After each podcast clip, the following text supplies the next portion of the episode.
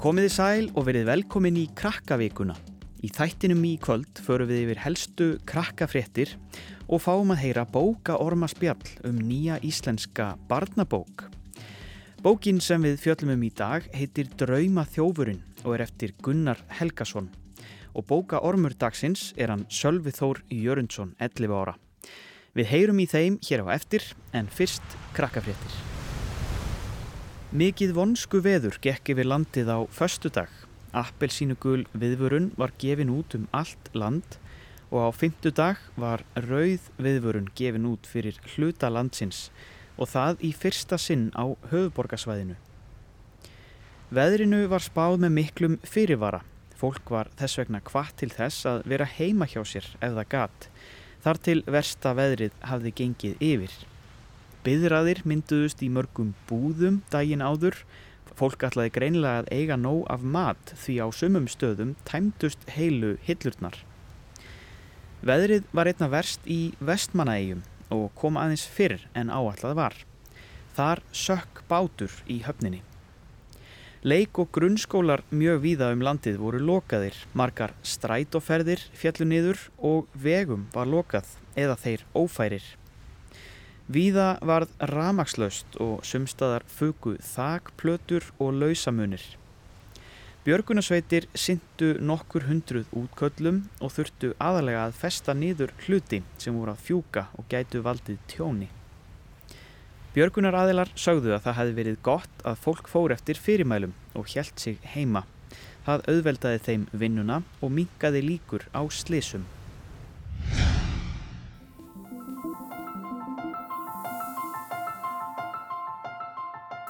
Nýjar myndir af Betelgeuse sem er verðandi sprengistjarnar sína að stjarnan hefur dopnað mikið og líka breytt lögun sinni.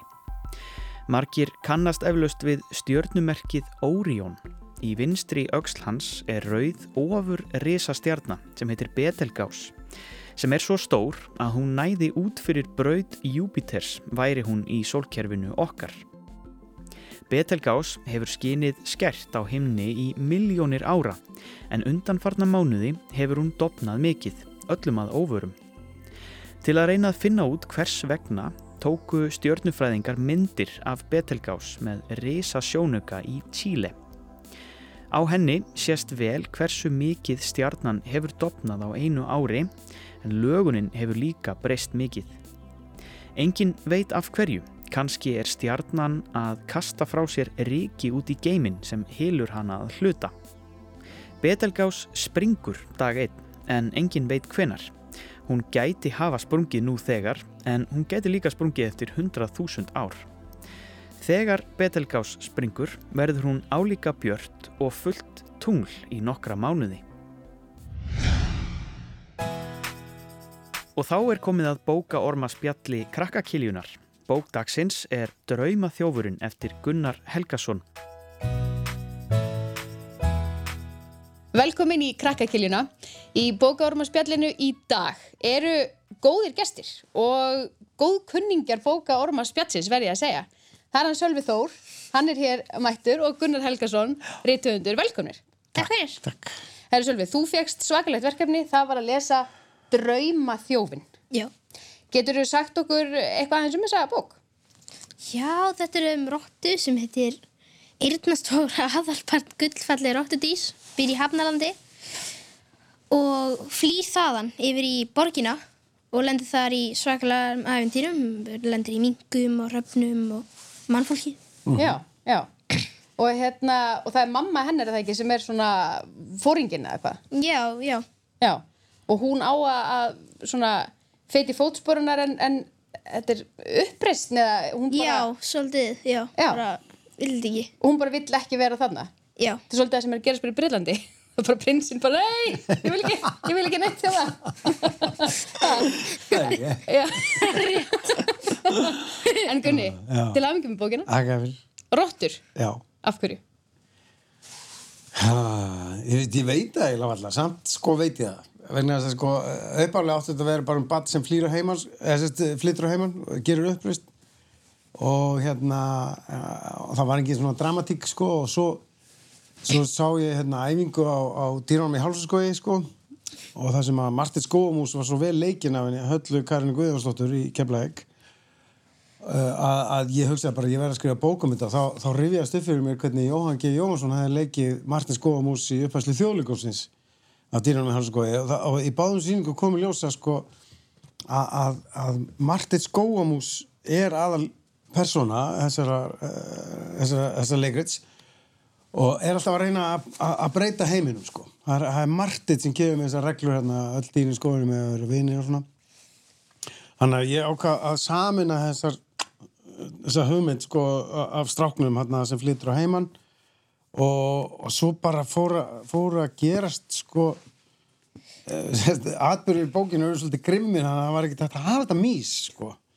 og svo samtíma þá kefti ég sko hérna, jólaskraut sko, sem var hérna svona lítil mús eða veist, svona stór mús og bara til að minna mig á ég ætla að skrifa þessa bók sko. og hérna svo þegar ég var komin heimi og búin að setja ég, músina inn á skrifstofu þá sagði eh, Björk Jakobsdóttir kona mín hún sagði að þetta er rotta ég, hæ, þetta er rotta Jú, sæt rotta, rottur geta alveg verið sætar og, og þá reyðist nú ratatouille fyrir mér og veist, það er alltaf lægi að skrifa um rottur en, en fólki finnst það ógæslegt það komið pínlítið óvart Viðbröð okkar við þessu. Já, Já. En, en svo- já, það er svona smá saman þá urðu þetta rottur sko. Já. Og rottur, við vitum svo mikið um um sko uh, hvað rottur búa á meðal fólks. Mhm.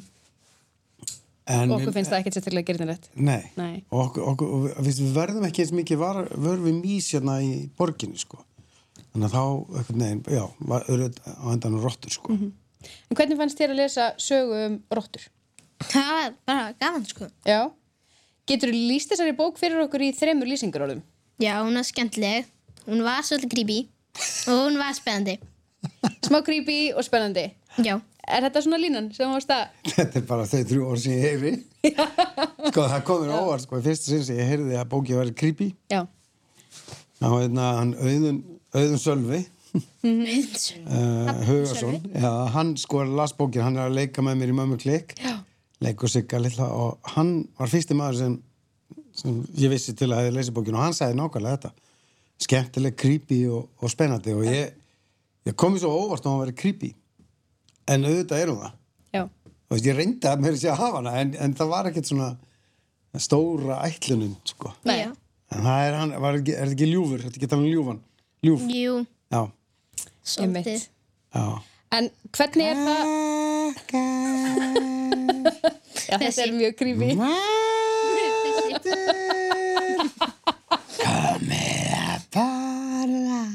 er þessi. Það er þessi. Já, Já, akkurat. Ég man bara eftir þessu þegar þú komst í skólan. já, já, já, Það var gaman. já, ok.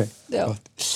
En hérna, að skrifa um rottur er eitt, en einmitt að búa til karaktera í, í rauninni bara eins og svona mennska einkenni. Já. Þú veist, við erum með tilfinningar og, og svona. Var það þó ekkert erfitt eða bara finnast þér rottur ekkert ókslega? Já, sko, þetta fannst mér róttur ógíslegar á en ég fór að, að skrifa bókina, sko. Mm. En ég horfði rosalega mikið á, á YouTube, sko, á róttu vídeo. Já. Og, en því miður þá eru flest vídeoin á YouTube sko um rottur sem að, eða, eða sérst um meindýræði sem er reyna að drepa rottur eða veiðimenn í Asíu sem að eru að veiða rottur á hrísklónuaugrónu til dæmis og, og það, en það, ég fann eitt vídeo þar sem að rotta ræðist á hóp af köttum Í alvörunni? Já, og hérna, og veist, frá einhverju miðurhafslandinu hérna í Európu þá, þá er hún bara að dutta sér sko. Og svo er sá sem er að taka vídeo, hann, sé, hann færi myndal, hann að við sjáum alveg 20 ketti sko, bara villiketti greinlega og svo aftur á rottuna og svo bara nálgast rottan og svo allt í hennu sjá kettinni rottuna og þú veist og allir líta í einu. Og hún er komin næst í alveg að þeim. Og rottan stoppar og horfir á kettina og kettinni standa svona fætur og þá bara stekkur rottan á fremst á köttin og allir kettinni bara!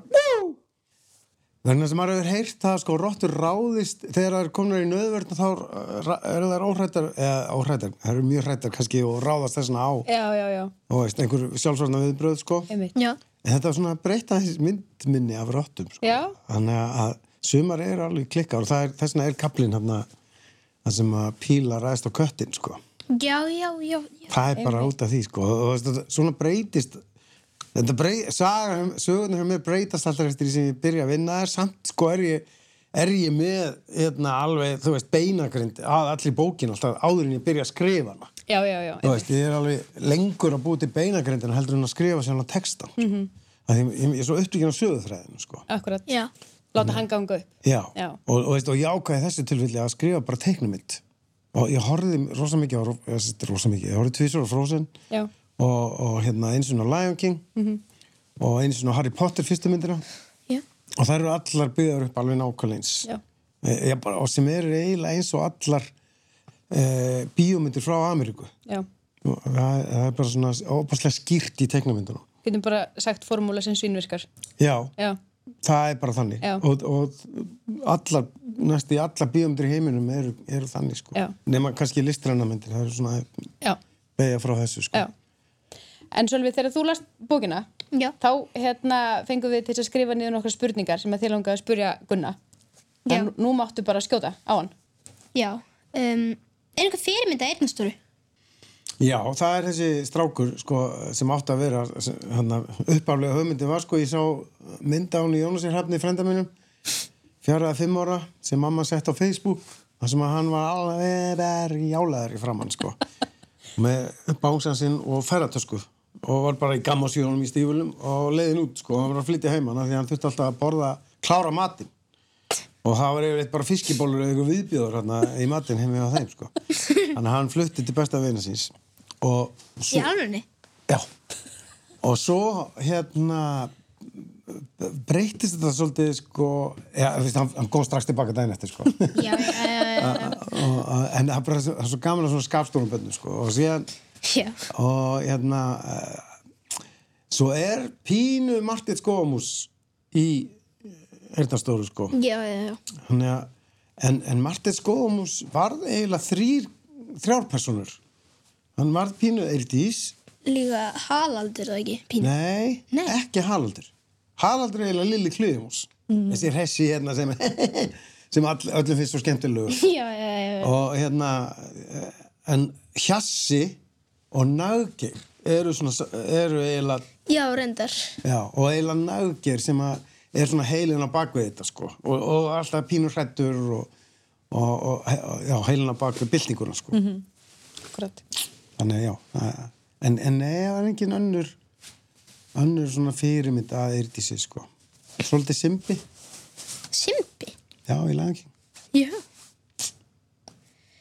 En nú vita margir að heldur með þrótti. Já, En hvaða liði heldur með í ennskudeildinni?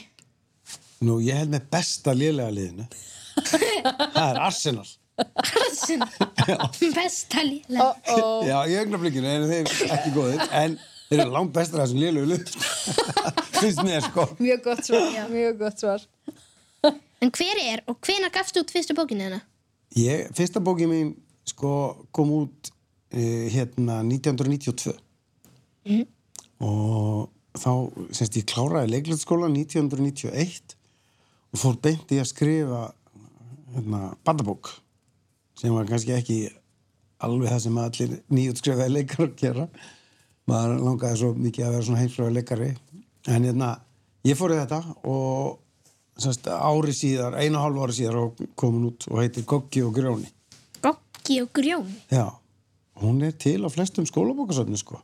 Ég lendi oft í sko að krakka segja, ég var að lesa alla bækuna hennar og ég bara, ertu að lesa Goggi og Grjóna? Nei Ha, nei. Já, Þú verður að aðtöða máli í skólanum á morgun. Ég verður að tjekka þau. Já, algjörlega. í hvað skóla er þetta? Seljaskóla. Ég, þetta er til, það tala bara um dröf Já. En já, hvenær finnst þér best að skrifa á morgnana eða kvöldin? eða um hádegi eða nótt eða... Já, sko, ég reyna að skrifa ekki á kvöldin ég er alltaf að reyna að vinna ekki á kvöldin og um helgar af því að, allir sérfræðingarnir segja að maður er að finna innri ró á kvöldin og slaka á sko. Og Hvernig gengur það? Það, ge- það gengur ágætlega sko, það þýðir bara þá þarf ég að vinna hina allt hitt á kvöldin sko. en ég reyna að vakna bara, þú veist, byrja að vinna klúna nýju Já. og vera ekki of lengi á Facebook sko og, og, og svona skrifa til svona fjör Ok. en, en hérna, eins og barast í Barcelona þá skrifaði ég bara, þú veist, 11 tíma dag Já, og það, af, af því að ég þurfti að flýta mig svo, veist, ég þurfti að vera fljótur með hana og sögutráðan var til hann að ég bara hamaðist bara í 6 vikur eða 5 vikur og, og bara Já. var 11 tíma á dag bara og þá var maður alltaf til 11 á kvöldin sko. En af hverju vildur þú skrifa barnabækur? ég veit það ekki hvað röggl er þetta? ha? sko, það það er ótrúlega fyndið að sumir segja sko eins og núna, kom hérna hafa aldrei komið fleiri barnabækur út á Íslandi á einu ári eins og síðast ári. Og, og svo hafa leitað til einhverju sérfræðingar eftir skýringu sko, akkur er öll að skrifa barnabækur núna? Og eina skýringi sem að sérfræðingarnir komið af því að það er svo gaman greinlega en, en sko auðvitað er það gaman en, en það er bara eitthvað í, í mér, sko, mér finnst svo gaman að, að skemmta börnum. Já. þú veist, ég var með stundin okkar og jóladagatalið og Já. svo er ég alltaf að gera eitthvað með Felix og ég er alltaf að skemmta börnum núna mamma klikk sko og, og hérna það, eh, að því að sko þetta er rosalega snúið sko að gera barnaefni að því að það má ekki gera hvað sem er Já. það má ekki segja hvað sem er það má ekki, þú veist, það má ekki gerast hvað sem er í barnabókum Nei. það þarf að skrifa fyrir ákveðin svona aldur og þá og það er bara svolítið snúið og mér finnst það rosa skemmtilega svona glíma sko. Þannig að ég, ég það bara, þú veist, þegar ég var í hérna mentaskóla þá uh, var á stúdinsprófi síðasta prófinu sko, í íslensku þá átti maður, maður að skrifa ritgerð. Og það er tvær kænslustundir til að skrifa ritgerð og fyrst nokkur hérna, þrjú uh, ritgerðar efni og ég skrifaði barnasögu. Þannig að ég hef alltaf skrifað barnasögu þannig að, þannig að og svo bara hefur finn ég mig í því bara. Þannig að það er eitthvað inn í mér sem er svona klika sko. og ekkert velti ómikið fyrir. Þetta er bara, þetta er bara svona náttúrulegt fyrir þig kannski. Já. Já, það er, veist ég, mér er eiginlega aldrei langar til að skrifa fullóðsbækur til dæmis. Mm. Það er nýbúin í leiklisskólanum bara að skrifa um barnabók. já, þannig að Það er skemmtilegt. já, já. Þetta er eitthvað bara, ég, ég veit ekki En varst þú mikið fyrir að skrifa sögur þegar þú varst krakki? Já, það var meðast rosa gaman að skrifa sögur. Og ef það var rítgerð tími í skólanum, það var bara það bestu tímandi maður. Það eru örugglega margir sem tengi ekki við þetta. Nei, en mér fannst þetta geggja sko. já, æðislegt. Og með þess að ég skrifaði nokkra rítgerðir hérna á, á sest, sko, í, þegar maður hérna, er í mentaskóla þá þarf maður stundum að skrifa smásögur. Ég skrifaði fyrir nokkra í bekknum sko alltaf það er rítgerðir fengu alltaf hærri einhverju mínar af því ég var svo metnafullur að skrifa fyrir sjálfan mig En hver er þá uppáhalds barnabókiðin? Hæ, Jónóttur og Jón Bjarni Fá það er bara... Ég held ég sem búin að fá þess, þetta svar tvísvar. Í alvegni? Já. Já, en sko, það er samt ekkert að marka í fyrirskiptu en þess að Jón Óttur og Jón Bjarni það er, svo bók er um mig sko. og, og það fannst að, veist, þegar þú lest einhverja bók og finnst hún vera um þig þá er eitthvað galdur í loftinu sko. og veistu, Jón Óttur og Jón Bjarni, ég er tvíburi sko. Já, ég við byggum í blokk eins og Jón Óttur og Jón Bjarni. Við áttum með úlingssistur sem uh, var svona með alls konar sko, uh, hérna, skap. og hérna veist, og við áttum eins bíl og amma dregi og með þess að þegar að hérna uh, ég held að það veri Jón Óttur sem þurfti að fá lepp fyrir augað. Já. ég þurfti að fá lepp fyrir augað þegar ég var sjö ára. Nei. Jú, að því að með latt auga sko, hérna, þá var settur leppur hérna með, hérna með, maður ekki hvort var þannig að þetta var bara svo mikið um okkur bræðið sko. Já. þannig að, ég á þessu bók Það er skemmtilegt. já, Það er skemmtilegt. Ég held alltaf að, að höfundurinn hefði þekkt mamma og pappa og fengið sögur frá þeim en það reyndist ekki vera Einmitt. En við gætum setið hérna sennilega allan dag Já. Og spjallaði með þessu bók og bækur og, og, hérna, og sögur og sagnagerð en takk fyrir komuna Gunnar Helgason og Sölvi Þór og við segjum krakkakillinu lokið í dag Þá er þessu lokið hjá okkur í dag. Krakkavikan verður á sama tíma á Rás 1 eftir viku en það er nóg til að hlusta og horfa á á krakkarúf.is og í appinu okkar. Þanga til, takk fyrir að hlusta, bless bless.